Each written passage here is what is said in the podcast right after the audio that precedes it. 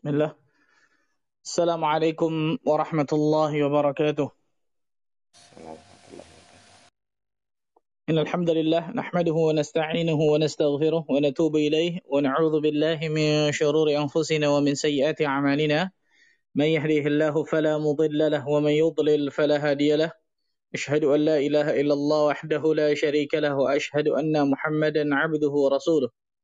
صلوات الله وسلامه عليه نبينا وحبيبنا محمد صلى الله عليه وعلى آله وصحبه وسلم قال الله تعالى في كتابه الكريم يا أيها الذين آمنوا اتقوا الله حق تقاته ولا تموتن إلا وأنتم مسلمون أما بعد Ikhwani wa khatifiddin, rahimani wa rahimakumullah, saudara-saudariku sekalian, yang mudah-mudahan Allah Azza wa Jalla berikan keberkahan dalam kehidupannya.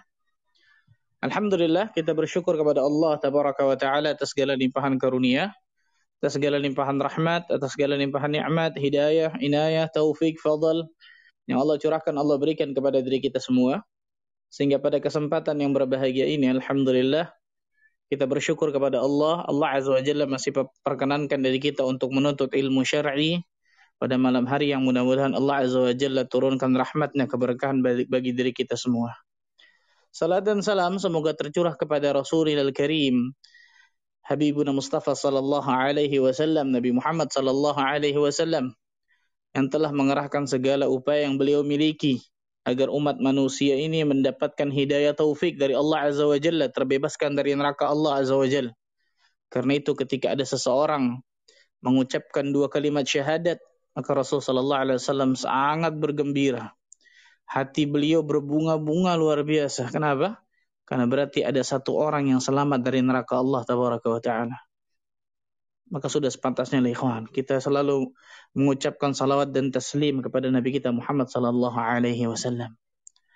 Masyaallah muslimin wal muslimat rahimani wa rahimakumullah. Melanjutkan mabahas kita, kajian kita tentang kitab Khulasah Ta'zim al-Ilmi tentang kitab ringkasan dari pengagungan ilmu karya dari Syekh Saleh Ibn Abdullah Ibn Hamad Al-Usaimi hafizahullah taala wa ra'ahu. Dan terakhir sudah kita bahas tentang masalah ikhlasnya niat dalam menuntut ilmu. Betul ya? Sudah kita bahas ikhlasnya niat dalam menuntut ilmu. Kemudian perkara yang harus diniatkan ketika orang apa ingin ikhlas dalam menuntut ilmu maka dia harus mewujudkan beberapa pondasi Niatnya di antaranya untuk mengangkat kebodohan pada dirinya, mengangkat kebodohan pada orang lain, kemudian menghidupkan ilmu, menjaganya, mengamalkannya, mendakwahkannya, dan lain sebagainya. Sudah kita bahas panjang lebar insya Allah tentang masalah tersebut. Hari ini insya Allah Ta'ala kita akan bahas khusus tentang masalah kiat-kiat agar ikhlas dalam menuntut ilmu dan dalam beribadah. Dan kita tahu bersama Menuntut ilmu termasuk ibadah, bahkan ibadah yang luar biasa agung ya Masya Allah. Talabul ilmi faridatun ala kulli muslim. Menuntut ilmu syar'i adalah faridah, fardu ain, kewajiban bagi setiap muslim dan juga pasli muslimah masuk di dalamnya. Berarti menuntut ilmu ini perkara yang wajib, yang Allah Azza wa Jalla wajibkan kepada kita. Rasul sallallahu alaihi wasallam wajibkan kepada kita. Dan yang namanya perkara yang wajib pasti perkara yang paling dicintai oleh Allah Azza wa Jalla. Makanya diwajibkan oleh Allah Azza wa Jalla. Nah, ikhwan, ikhlas itu sesuatu yang azim, ikhwan. Ikhlas itu sesuatu yang agung dan besar luar biasa. Para ulama sampai mengatakan, kalau aku tahu satu sujudku ikhlas lillahi ta'ala, maka pada saat itu aku berharap kematian. Bayangkan. Ulama lain mengatakan kalau aku tahu satu sujudku itu ikhlas lillahi ta'ala, najaut, maka aku akan selamat dunia akhirat. Ya, saking luar biasanya ikhlas nih, ikhwan. Dan saking beratnya ikhlas para ulama sampai mengatakan seperti itu. Imam Sufyan Ats-Tsauri rahimahullahu taala mengatakan, "Ma 'alajtu syai'an ashadda 'alayya min niyyati." Tidaklah aku mengobati sesuatu yang paling sulit, paling berat bagi diriku kecuali mengobati apa? Niatku, ya, ini keikhlasanku jelas. Kenapa? Li'annahu tataqallabu alaih. Karena keikhlasanku ini, niatku ini selalu berbolak-balik. Kadang ikhlas, kadang tidak. Kan gitu ya? Kadang ikhlas, kadang tidak. Kadang ikhlas, kadang tidak. maka menjadi kewajiban bagi setiap muslim dan muslimah untuk selalu dan selalu melihat bagaimana kondisi niatnya, keikhlasannya. Menjadi kewajiban bagi setiap muslim dan muslimah untuk selalu mendengarkan kajian-kajian tentang ikhlas. Buku-buku tentang ikhlas itu harus sering dibaca, ikhwan. Karena ikhlas ini belajarnya seumur hidup. Bukan berarti satu kali kita lulus ikhlas, ke depannya akan ikhlas terus. Enggak. Di tempat ini, jam sekarang, detik ini mungkin kita bisa ikhlas. Selesai dari kajian ini, wallahu taala alam. Bayangkan luar biasa. Dan ini agungnya ikhlas ya, luar biasanya ikhlas. Maka Anda memutuskan untuk mengkhususkan kajian malam pada hari ini untuk membahas masalah kiat-kiat bagaimana agar kita ikhlas di dalam beribadah di antara dalam dalam menuntut ilmu syar'i kan gitu. Selain sudah kita tanamkan niat-niat yang kemarin sudah kita bahas, kita harus juga apa? Kita harus mengetahui kiat-kiatnya dan ingat ikhwan, kiat-kiat ikhlas ini harus kita hafal mati dalam kepala kita. Kalau orang biasa ngomong apa? Di luar kepala, betul ya? Atau ke luar kepala lupa takutnya. Yang namanya ikhlas ini harus kiat-kiat ikhlas ini harus kita hafal mati di kepala kita, ikhwan. Kenapa? Karena setiap hari kita beribadah, setiap hari kita beramal soleh, setiap hari mungkin kita nuntut ilmu, Masya Allah. Kalau ternyata kita tidak selalu mengecek niat kita, kita tidak selalu mengecek keikhlasan kita, ternyata kita lihat nanti di akhirat, amal-amal saleh kita ternyata banyak yang tidak ikhlas. Na'udzubillah min dhalik. Fala talumanna illa nafsah. Maka jangan salahkan kecuali dirinya. Ini pentingnya ikhlas ya kawan. Al-ikhlas terambil dari kata-kata khalusa. Setiap bahasa Arab, saya sering katakan, setiap bahasa Arab pasti punya kata dasar. Al-ikhlas terambil dari kata-kata apa? Khalus, yang artinya murni. Bersih. Murni, bersih, jernih bisa juga. Allah Azza wa Jalla menggunakan kata-kata khulus ini dalam beberapa ayat dalam Al-Quran. Di antaranya Allah berfirman dalam surah An-Nahl. Surah ke-16 ayat 66. Surat An-Nahl, surah 16, ayat ke-66. Coba untuk bayangkan, luar biasa. Ini gambaran keikhlasan nih, kawan. Allah berfirman, Wa inna lakum fil an'ami la'ibrah. Dan sesungguhnya dalam binatang ternak itu tuh ada pelajaran, ada ibrah. Nusqikum mimma fi butunihi min baini farthin wadamin. Kami berikan minum kalian dari perut binatang ternak tersebut yang kami pisahkan antara darah dan kotoran hewan itu tuh labanan khalisa, susu yang ikhlas. Susu yang murni, susu yang jernih, yang bersih. Sa'ighal lisyaribin, yang ni yang nikmat diminum oleh para peminumnya. Coba untuk bayangkan ikhwan. Ini gambaran keikhlasan nih. Allah Azza wa Jalla sebutkan dalam surah An-Nahl ayat 66 ini. Tidak pernah kita temukan dalam segelas susu yang murni ada setetes darah. Nggak pernah insya Allah. Tidak pernah kita temukan dalam segelas susu yang murni ada setitik kotoran hewan masuk di dalamnya. Nggak ada sama sekali insya Allah. Karena Allah Azza Jalla telah berjanji itu. Memisahkan antara dua, dua hal tersebut. Darah dan kotoran hewan, keluarnya labanan khalis, susu yang ikhlas. Bayangkan subhanallah. Dan inilah gambaran keikhlasan ikhwah. Ini gambaran keikhlasan ketika seseorang beribadah kepada Allah Azza wa Jalla, ikhlas lillahi ta'ala berarti 100% hanya untuk Allah. Ini gambaran keikhlasan. Ketika seseorang beribadah, contohnya nuntut ilmu nih. 90% karena Allah, 10%-nya karena yang lain. Entah karena dilihat camer misalnya, betul ya? Entah karena ya mengisi mengisi waktu aja, Ustaz. Entah karena macam-macam. Niat manusia kan macam-macam, betul ya? 90 persennya ikhlas Masya Allah. Tapi 10 persennya ada niat yang lain. Karena manusia, karena yang lain. Selain, karena selain Allah. Allah Azza wa Jalla gak akan pernah terima itu ikhwan. Bahkan ketika seorang manusia beribadah kepada Allah Azza wa Jalla 99,99% ,99 karena Allah, ada 0,0 ada 0,01 persennya karena makhluk, karena selain Allah. Allah Azza wa Jalla gak akan pernah terima amal ibadah itu. Coba bayangkan subhanallah. Rasul sallallahu alaihi wasallam bersabda Allah berfirman dalam hadis qudsi, "Ana aghna syuraka 'ani syirk." Aku kata Allah Azza wa Jalla adalah zat yang paling tidak membutuhkan dengan sekutu. Allah nggak butuh sekutu. Allah nggak butuh serikat sama sekali. Man amila amalan laisa alaihi man amila amalan asyraka fihi ma'iya ghairi taraktuhu wa syirkahu. Barang siapa yang menyekutukan diriku, barang siapa yang beramal saleh nih, dia beramal, asyraka fihi ma'iya ghairi. Dia serikatkan diriku dengan selainku, maka aku tinggalkan dia bersama yang diserikatkan tersebut. Allahu akbar. 100% hanya untuk Allah. Coba untuk bayangkan, ini bukan mudah nih ikhwan. Ini bukan mudah. Makanya para ulama terdahulu Allah Akbar sampai sampai mengatakan seperti itu tuh tadi. Seandainya satu sujudku diterima pada saat itu aku berharap kematian. Seandainya satu, satu sujudku itu ikhlas kemudian terima oleh Allah Azza wa Jalla, maka najaut aku akan selamat insyaallah dunia akhirat. Karena beratnya dan luar biasanya beratnya sulitnya keikhlasan ya. Masyarakat muslimin wal muslimat rahimani wa rahimakumullah. Setelah kita tahu apa itu ikhlas, kita harus tahu lawan kata dari ikhlas nih. Perhatikan nih. Karena banyak orang salah kaprah masalah lawan kata ikhlas nih. Contoh, orang ketika mau bangun malam, dia memaksakan dirinya supaya bangun malam. Memaksakan diri untuk apa? Supaya bangun malam, supaya ibadah. Dia paksa dirinya supaya ibadah, supaya bangun malam contohnya. Oh jangan gitu, ente kalau maksa gitu nggak ikhlas. Salah ini. Lawan kata ikhlas itu bukan memaksa diri untuk beribadah. Enggak, bukan itu. Lawan kata ikhlas itu ria, sum'ah. Itu lawan kata ikhlas tuh. Bisa jadi seseorang, bahkan sangat mungkin seseorang ketika dirinya memaksa untuk beribadah kepada Allah dan dia dan dia ikhlas. Bahkan para ulama mengatakan kalau ibadah awalnya kita tidak memaksa, maka sampai kapan pun kita nggak akan pernah ibadah. Malam nih, ngantuk tidur, mau tidur, betul ya?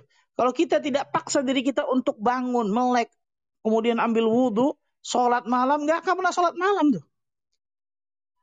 Kalau kita tidak membiasakan diri atau tidak memaksa diri kita untuk bersedekah, pelit pasti terus tuh. Nah, perhatikan baik-baik ini. Jadi lawan kata ikhlas bukan memaksa diri untuk beribadah, bukan. Tapi lawan kata ikhlas ini ria, sum'ah. Ria terambil dari kata-kata ro'a ya ru'yah yang artinya melihat. Apa maksudnya? Seseorang beribadah kepada Allah Azza wa Jalla agar amal ibadahnya dilihat orang. Tujuannya apa? Disanjung, dipuji, mendapatkan tempat di hati masyarakat. Kan itu ya? Ini ria nih. Sum'ah beda sedikit. Sami'a yasma'u. Sum'atan. Terambil dari kata-kata mendengar. Sami'a yasma'u. Seseorang beribadah kepada Allah supaya amal ibadahnya ini didengar orang. Tujuannya sama, disanjung, dipuji, mendapatkan tempat di hati masyarakat, dan lain sebagainya. Ini baru lawan kata ikhlas nih, kawan. Rasul Shallallahu Alaihi Wasallam bersabda di hadapan para sahabat. Coba untuk bayangkan, di hadapan khairun nas, manusia terbaik loh. Itu para sahabat Nabi radhiyallahu anhum jami'an. Inna akhwafa ma akhafu alaikum asyirkul asghar. Sesungguhnya yang paling aku takutkan kepada kalian. Kalian ini sahabat loh, bayangkan ikhwan. Rasul takut sahabat kena penyakit ini. Apalagi kita, betul ya? Apa itu? Asyirkul asghar, syirik yang kecil. Fasu'ila anhu ketika ditanyakan kepada Nabi SAW, Asyirkul asghar ya Rasulullah SAW. Apa itu syirik kecil wahai Rasul sallallahu alaihi wasallam? Faqala ar-riya, maka itu adalah riya. Dari riya. Riya sum'ah. Allahu Akbar subhanallah. Maka perhatikan baik-baik ini kawan. Ini sesuatu yang luar biasa pentingnya bagi diri kita semua. Selalu mengecek niat kita, selalu melihat keikhlasan kita kawan. Di antaranya ketika kita menuntut ilmu dan juga amal ibadah yang lain. Masyarakat muslimin wal muslimat rahimani wa rahimakumullah. Kita masuk langsung ikhwan kepada kiat-kiat nih. Apa saja sih kiat-kiat agar selalu ikhlas di dalam amal ibadah. Saya katakan ikhwan, jangan hanya dicatat, ditulis di note atau di apa kertas atau di HP-nya, tapi dihafalkan di kepala kita dan diamalkan, dipraktekkan dalam kehidupan kita sehari-hari. Ada sekitar delapan kiat. Ada sekitar delapan kiat yang delapan ini saya katakan tadi apa? Harus hafal mati gitu nih kawan. Dan harus kita praktekkan dalam kehidupan kita sehari-hari. Karena setiap hari kita beribadah pasti. Setiap hari pasti kita beramal soleh. Apa saja kiat-kiat tersebut? Yang pertama. Tajdidun niyah. mengecek niat kita. Ini yang pertama nih, kawan. Mengecek niat kita sebelum beramal. Mengecek niat kita sebelum beramal, ketika beramal, dan setelah beramal. Tiga kali. Mengecek niat kita sebelum beramal, ketika beramal, dan setelah beramal. Tiga kali ini, kawan.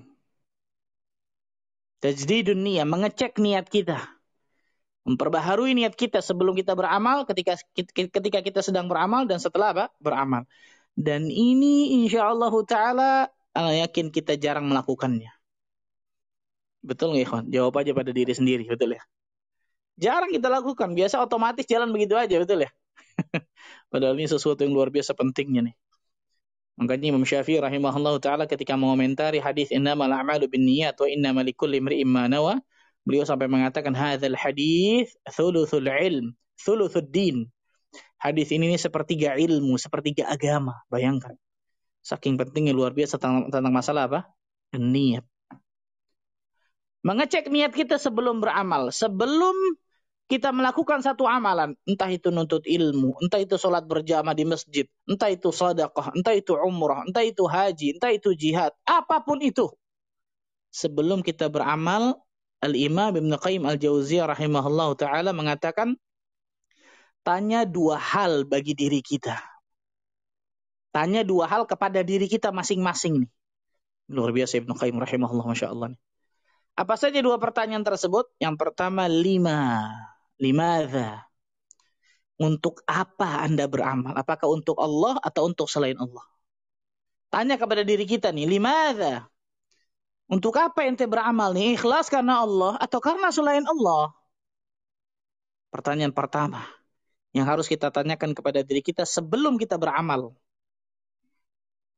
Kalau pertanyaan pertama ini lulus nih, insya Allah Ta'ala saya melakukan ini karena Allah. Maka tanya yang kedua kata lima Ibn Qayyim al-Jauziyah. Wa kaifa dan bagaimana? Maksudnya apa? Bagaimana amal saleh tersebut apakah sesuai dengan yang dicontohkan oleh Rasul sallallahu alaihi wasallam? Ittiba' Rasul. Lihat. Ini dua hal yang kita tahu bersama syaratan qabulil amal ya. Dua syarat diterimanya amal saleh, ikhlas dan ittiba'ur Rasul. Nah, tanya dua hal ini kata Al-Imam Ibn Qayyim Al-Jauziyah sebelum kita melakukan satu amalan. Untuk apa saya beramal? Apakah untuk Allah atau selain Allah? Dan bagaimana amalan saya? Apakah ini sesuai dengan contoh Nabi Shallallahu Alaihi Wasallam atau tidak? Kalau dua pertanyaan ini lulus, Bismillah beramal. Tapi kalau salah satunya saja nggak lulus, jangan pernah beramal kecuali dua-duanya lulus. Berarti kan Sebelum apa? sebelum coba ah, misal sebelum antum menuntut ilmu misal kajian offline nih keluar ke masjid atau ke Islamic Center atau ke mana pun lah sebelum kita melangkahkan kaki keluar nih ke masjid sebelum starter motor sebelum starter mobil sebelum memasukkan buku ke ke tas dan lain sebagainya tanya bagi tanya bagi diri kita nih saya melakukan ini nuntut ilmu nih karena Allah atau karena siapa nih betul ya karena ingin ketemu teman-teman karena ingin dagang karena apa? Ini yang saya katakan niat manusia banyak. Subhanallah. Kalau bukan karena Allah Azza ingat amalan itu tidak akan dibalas kecuali ikhlas. Ingat tentang surga, ingat tentang neraka. Sedikit mantap jalan bismillah tuh. Jangan tunggu mantap banget akhirnya nggak nggak nggak ngaji tuh. Salah lagi nih. Meninggalkan amalan karena manusia Al-Imam Fudail bin Iyad mengatakan itu sudah termasuk riya. Tarkul amal li ajlin nas riya kata Imam Fudail bin Iyad. Meninggalkan amalan karena manusia riya. Beramal karena manusia syirik. Yang namanya ikhlas itu apa? Seseorang beramal karena Allah, meninggalkan amalan pun harusnya karena Allah, Gak ada urusan sama manusia. Mengecek niat kita sebelum beramal. Sebelum beramal sudah cek niat nih. Ikhlas insya Allah. Kemudian apa? mengikuti petunjuk Nabi SAW ketika dia beramal saleh, jalan bismillah. Ketika sedang beramal, perhatikan, syaitan tidak akan pernah rela, nggak akan pernah ridho ketika kita melangkahkan satu langkah ke surga Allah, betul ya? Ketika sedang beramal pasti ada aja ujiannya tuh, betul? Untuk lagi jalan, Masya Allah, ketemu orang, ketemu temen nih. Masya Allah, ketemu ke mana nih? Anak mau ke masjid ini nih. Mau kajian? Oh, Masya Allah. Anak kepengen kayak antum begini soleh, ngaji, baik. Tapi anak belum bisa deh. Cuman ngomong gitu doang, habis itu orang jalan. Coba. Dalam hati kita kira-kira gimana tuh?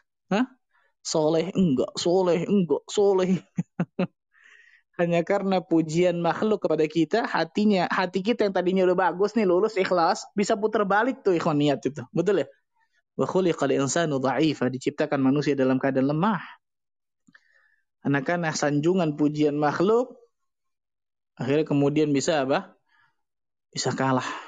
Niat kita bisa belok, bahkan bisa putar balik. Na'udzubillah min dari. Jaga tetap niat kita tuh, subhanallah. Ketika sedang apa? Ketika sedang beramal soleh.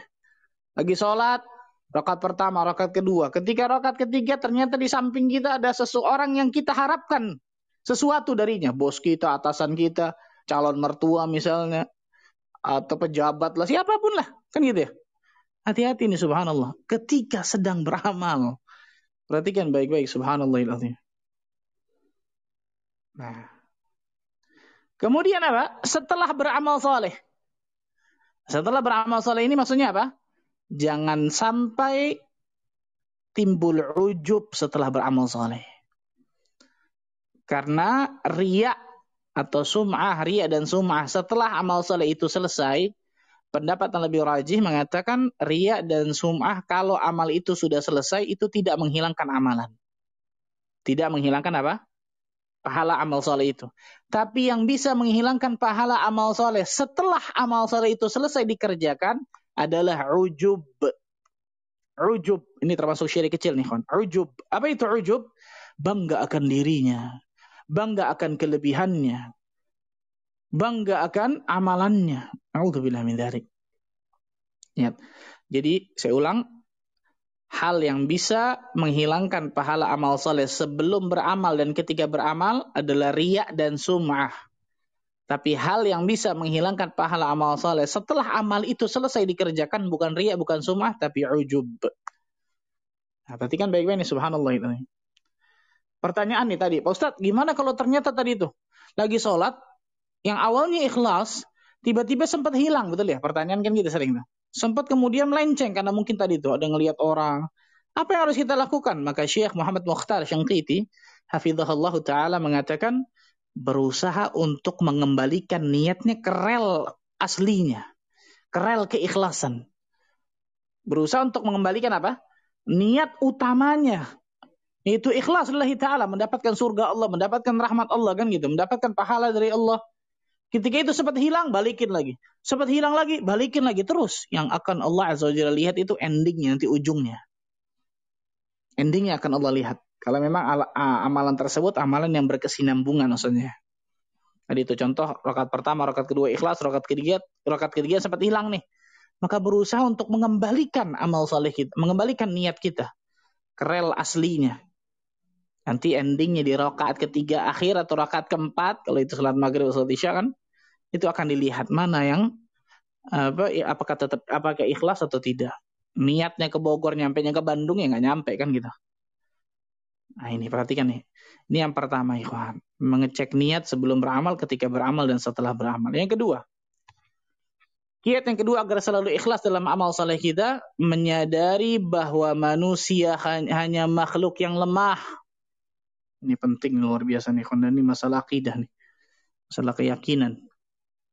Menyadari bahwa manusia hanya makhluk yang baif, yang lemah yang tidak bisa memberikan manfaat atau menolak madarat bagi diri kita.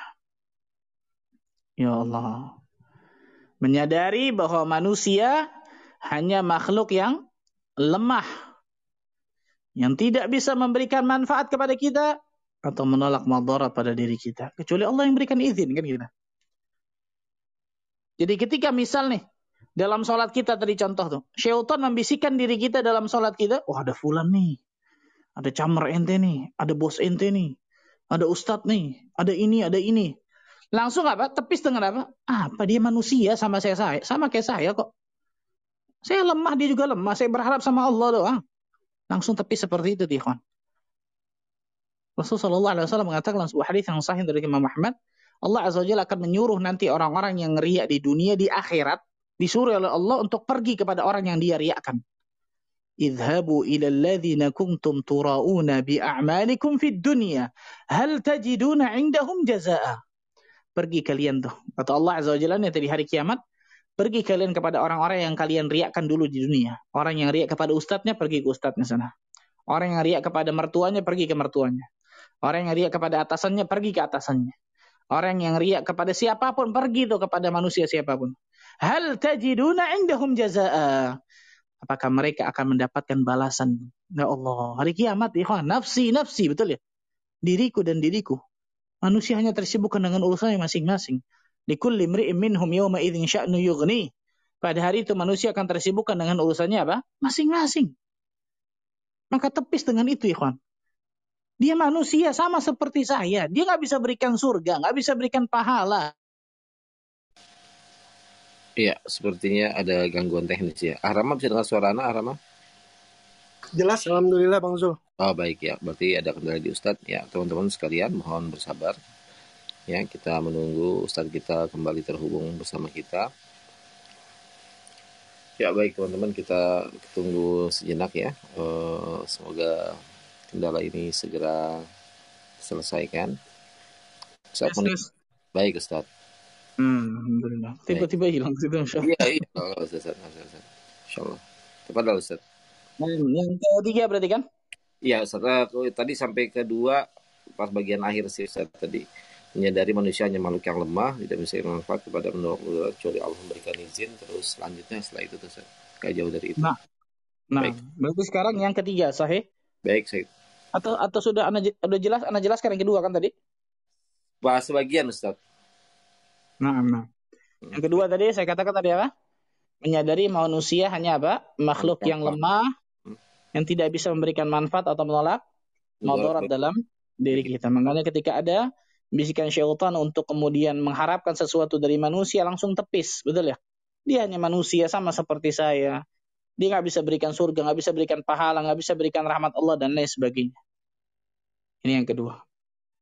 Yang ketiga, yang ketiga kata para ulama melupakan atau tidak mengingat kembali, melupakan atau tidak mengingat kembali amalan soleh yang sudah kita kerjakan. Melupakan dan tidak mengingat kembali amalan soleh yang sudah kita apa? Kerjakan. Ini gunanya apa? Dua gunanya.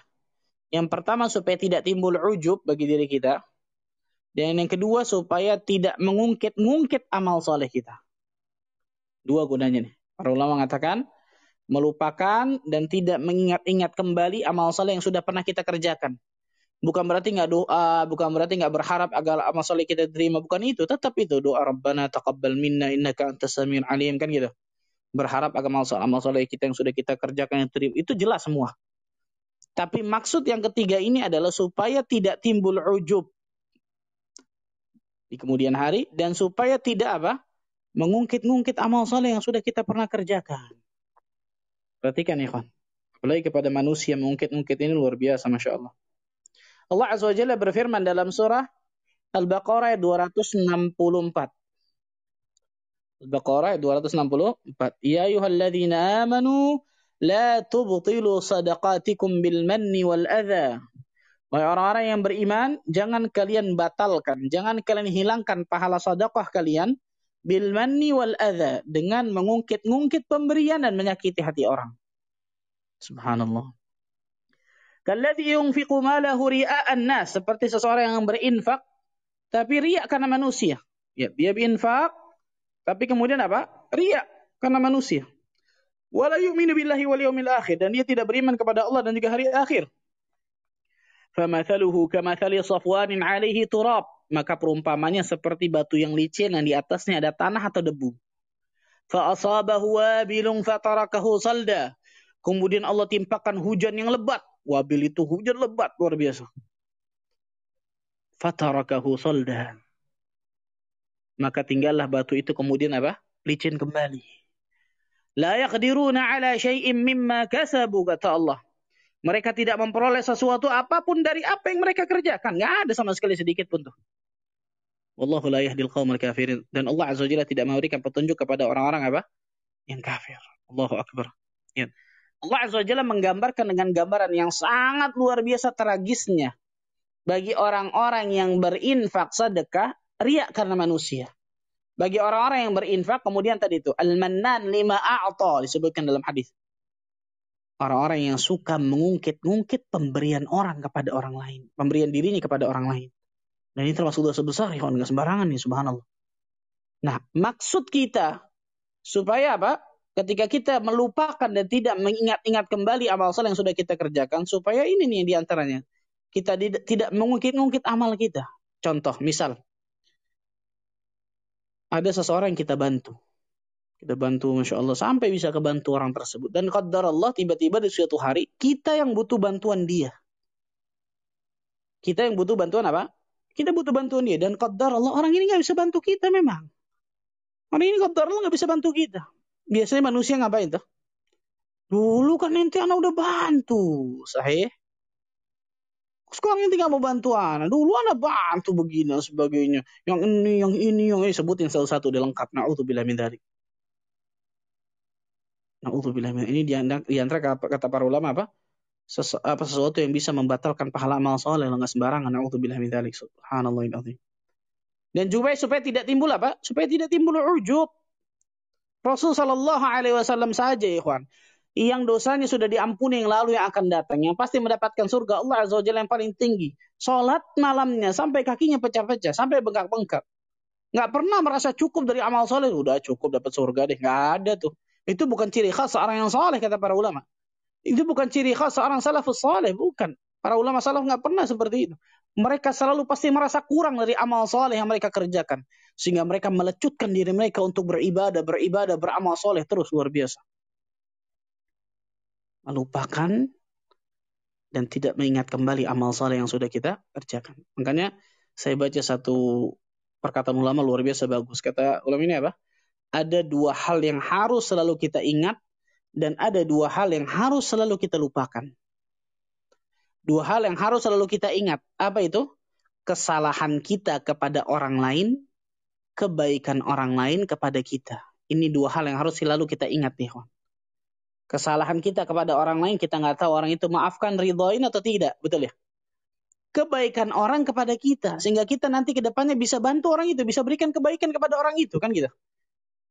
Islam mengajarkan ketika, ketika kita dibantu oleh orang lain, balas dengan kebaikan pula kan gitu. Dan dua hal yang harus selalu kita apa? Lupakan. Apa itu? Kebaikan kita kepada orang lain dan kesalahan orang lain kepada kita. Ah, berat nih, betul ya? Kebaikan kita kepada orang udah lupain jangan pakai diingat-ingat lagi, betul ya?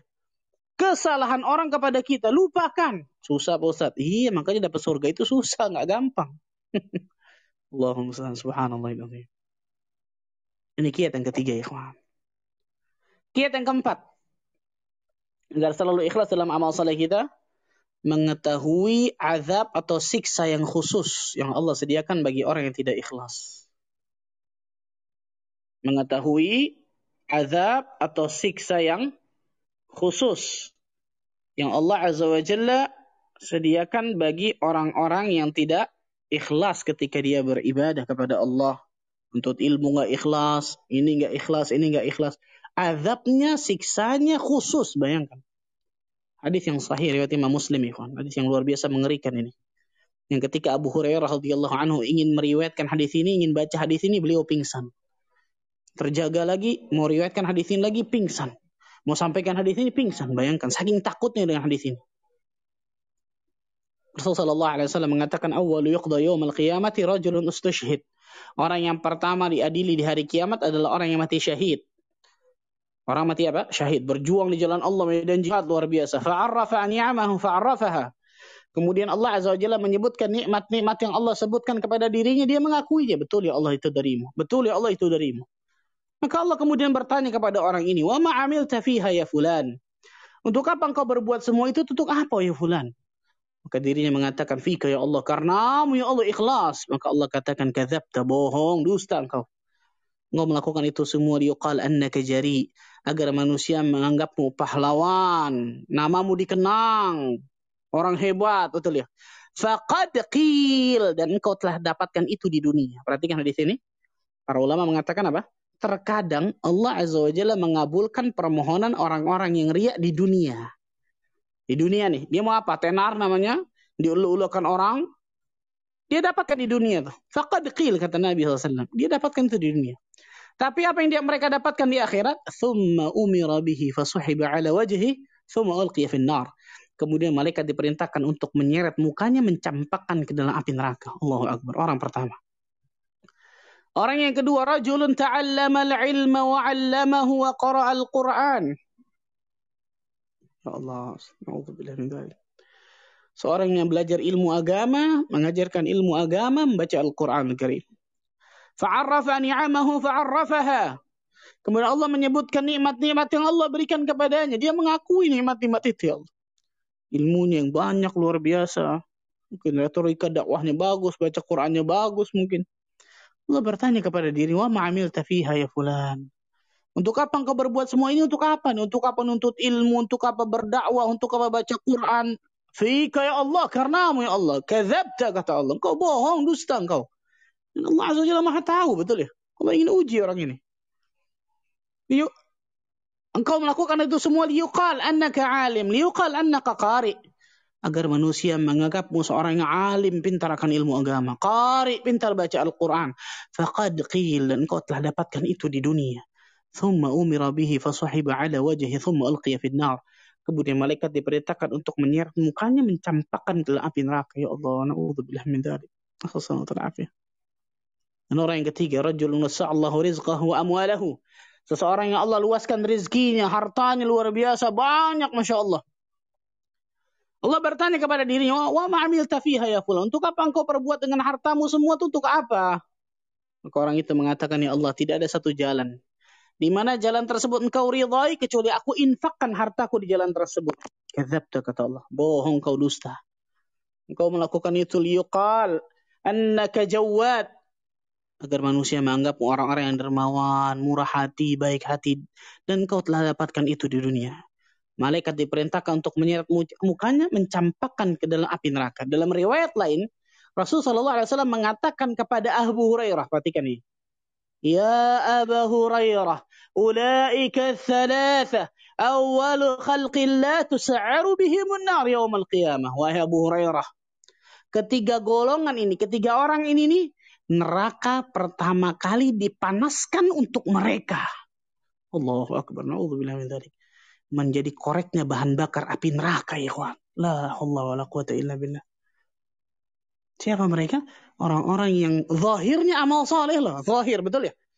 Tapi dalam hatinya ada penyakit yang menggerogoti amal solehnya. Ria, sum'ah ini, ikhwan. Alhamdulillah min dhalik. Makanya hati-hati, ikhwan. Ria sum'ah ini jangan tertipu, dengan tertipu dengan kata-kata kecil. Syirik kecil, oh dosa kecil. Salah. Menempati dosa yang atas tuh, ikhwan. Syirik besar, syirik kecil, baru dosa-dosa besar yang lain di bawahnya. Membunuh, berzina, minum khamar, makan riba. Itu di bawah syirik kecil semua dosanya, ikhwan. Jangan anggap enteng gara-gara ada kata kecil, di depannya ada kata-kata syirik. Bayangkan. Tiga golongan ini orang yang paling pertama akan dinyalakan api neraka untuk mereka. Ya Allah, na'udzubillah min dzalik. Kalau kita mengetahui, ikhwan, azab yang khusus, siksa yang khusus, yang khusus yang Allah berikan kepada orang-orang yang tidak ikhlas, masa ia masih berani gitu untuk tidak ikhlas ketika beribadah, betul ya? Kita akan memikirkan ya Allah, naudzubillah, Nabi bisa dapatkan azab itu tuh enggak enggak enggak naudzubillah enggak enggak. Ah, anak mendapat surga mau ngapain? Gara-gara orang seperti ini dapatkan azab seperti ini di akhirat, naudzubillah. Ini yang keberapa? Keempat. Yang kelima, takut akan su'ul khatimah. Cepat saja. Takut akan su'ul khatimah. Yang kelima, takut akan su'ul khatimah. Ingat ikhwan, Man asha ala syai' mata alaihi. Barang siapa yang hidup di atas sesuatu, maka dia akan diwafatkan di atas sesuatu tersebut. Perhatikan baik-baik nih, kawan. Seorang ahli syair mengatakan, Kullu ina'in bima fihi yandah. Setiap teko itu akan keluar sesuai dengan apa? Yang di dalamnya. Dalamnya air putih dituang air putih, dalamnya teh dituang teh, dalamnya kopi dituang kopi, pasti itu subhanallah. kebiasaan kita setiap hari di dunia ini, kita sibukkan dengan apa hari-hari kita, waktu-waktu kita. Akan keluarnya sakaratul maut nanti, ikhwan. Ketika orang terus-menerus dalam perbuatan riak dan sum'ahnya, na'udzubillah min dzalik, ditakutkan Allah Azza wa akan wafatkan orang ini dalam keadaan su'ul khatimah. Ditakutkan orang ini ketika dia melakukan riak ibadah dan ternyata ibadah itu riak, detik itu Allah wafatkan. Na'udzubillah min dzalik. Bayangkan. Sesuatu yang luar biasa mengerikan ya, ikhwan. Rasulullah sallallahu alaihi wasallam mengatakan inna rajula la ya'malu bi'amali ahli jannah. Sesungguhnya ada seorang laki-laki yang beramal dengan amalan penghuni surga. Hatta ma yakunu bainahu bainah illa dhira' Sampai tidak memisahkan antara din dan surga kecuali hanya sehasta. Fayasbiqu alaihi kitab. Kemudian catatan takdirnya mendahului dirinya. Fayamalu bi'amali halin nar. Di akhir hayat dia, melakukan amal-amal penghuni neraka. Fayadkhuludah. Dan Allah Azza wa Jalla masukkan dia dalam neraka. Hadis ini ada penjelas dari riwayat yang lain. Inna rajula la ya'malu bi'amali ahli jannah fima yabdulin nas. Ada taman kata-kata kata fima yabdulin nas. Sesungguhnya ada seorang laki-laki yang beramal dengan amalan penghuni surga dalam pandangan manusia. Lihat. Dalam pandangan apa? Si manusia ini atau ini amal soleh ini. Kenapa? Karena manusianya bisa lihat zahir, betul ya? Nggak bisa melihat hati manusia. Allah Azza wa Jalla ya'lamu kha'inatal a'yun wa ma tukhfis sudur. Allah mengetahui mana pandangan mata yang berkhianat dan apa yang ada di dalam hati manusia. Manusia yang lihat ini bagus, tapi ternyata hatinya tadi ada penyakit yang menggerogoti dari amal saleh tersebut tidak ikhlas. Bila ikhwan, ingat baik-baik perkataan ini. Kenikmatan terbesar yang Allah Azza wa Jalla berikan kepada seorang hamba ketika hamba itu Allah wafatkan dalam keadaan husnul khatimah. Itu kenikmatan terbesar luar biasa ikhwan maka berarti kesengsaraan terbesar bagi seorang hamba ketika Allah wafatkan diri dalam keadaan sul khatimah. Allahu Akbar. Itu yang ke lima. Yang keenam,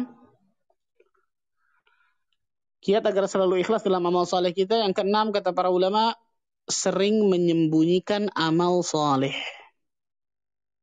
Sering menyembunyikan apa? Amal soleh kita.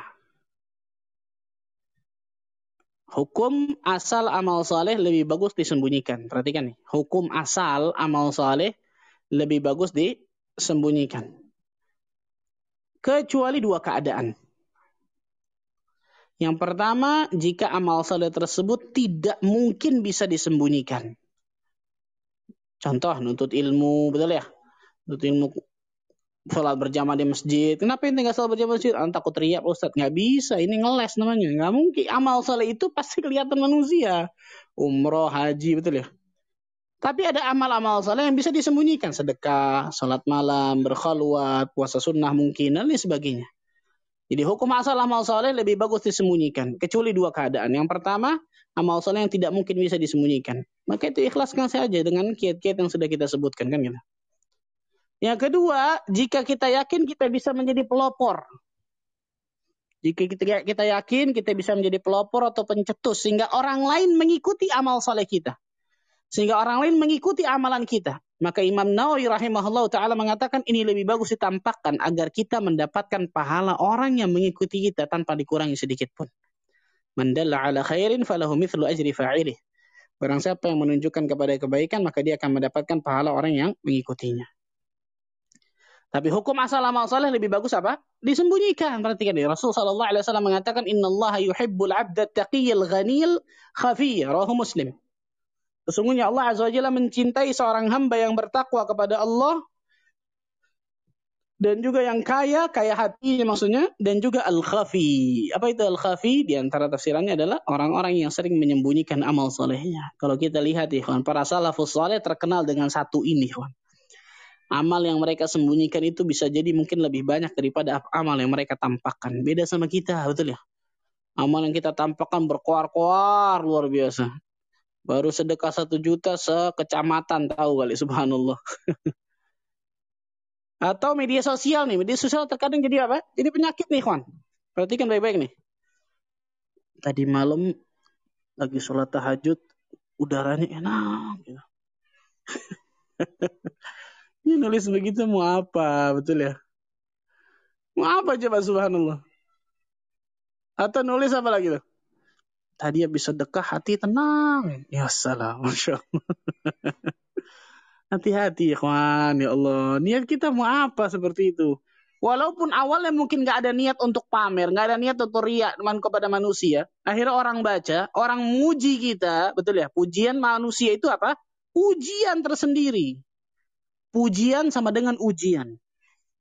Pujian manusia kepada kita ketika kita beribadah, itu ujian tersendiri yang Allah berikan kepada kita. Lulus gak kita? Berapa banyak ketika orang memuji kita tadi tuh. Makan puji, makan pujian. Yang tadi ikhlas, hilang keikhlasan kita gara-gara dipuji orang. Abu Bakar Siddiq radhiyallahu anhu radhiyallahu taala anhu juga para ulama salaf terdahulu ketika dipuji orang doa sama Allah. Apa doanya? Allahumma la tu'akhidni bima yaqulun. Ya Allah jangan azab diriku dari apa yang mereka katakan kepadaku. Waghfir li ma la ya'lamu dan ampuni diriku dari apa yang mereka tidak ketahui ya Allah. Waj'alni khairam mimma yadhunnun dan jadikan diriku lebih baik dari apa yang mereka persangkakan kepadaku. Allahu akbar. Jadi bukan gayung bersambut. Ketika orang muji, ya kurang pujian ente tambah coba tambah. Salah. Ya.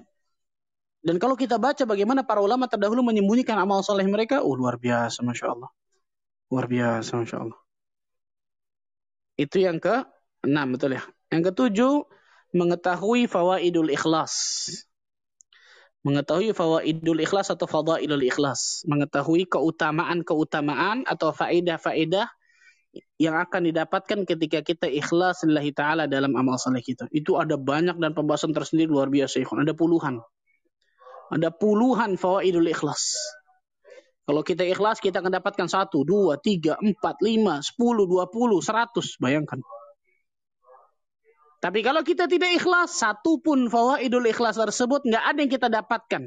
Sebaliknya, azab yang khusus, siksa yang khusus akan menanti diri kita nanti di akhirat. Nauzubillah min dzalik. Yang ketujuh, mengetahui tentang fawaidul ikhlas atau fadailul ikhlas untuk memotivasi diri kita untuk selalu berusaha ikhlas, berusaha ikhlas, berusaha ikhlas. Dan yang terakhir yang kedelapan, berdoa pada Allah. Karena tanpa bantuan Allah yang mustahil nggak mungkin kita bisa ikhlas, ikhwan berdoa kepada Allah Azza wa Jalla. Rasul wasallam mengajarkan kepada kita doa nih, ikhwan. Antum harus hafal doa ini nih, perhatikan nih. Rasul mengatakan kepada para sahabat yang namanya uh, syirkul khafi, syirik yang tersembunyi itu seperti langkah semut yang hitam di batu yang kelam di malam eh, di, di batu yang hitam di malam yang kelam. Bayangkan. Sahabat kan ya Rasulullah kalau gitu gimana kita bisa selamat dari syirkul khafi itu tuh? Rasul mengajarkan doa ini. Allahumma inna na'udhu bika min an nushrika bika syai'an na'lamuhu wa nastaghfiruka lima la.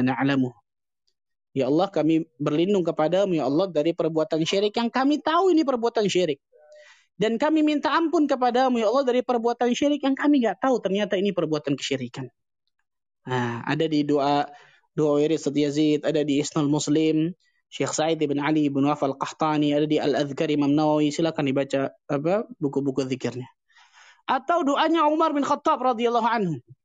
Dalam majmu' majmu' fatawa Syekh Al-Islam Ibn Taimiyah Umar berdoa apa? Allahumma ja'al amali kullahu salihah. Ya Allah jadikan seluruh amalku amal yang saleh. Waj'alhu liwajhika khalisah. Dan jadikan amalku itu seluruhnya ikhlas mengharapkan wajahmu ya Allah.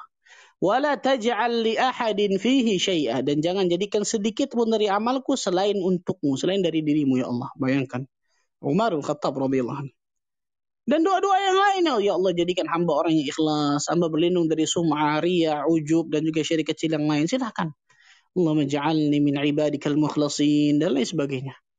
Berdoa pada Allah. Karena tanpa bantuan Allah, mustahil kita bisa ikhlas. Ikhwan. Mustahil.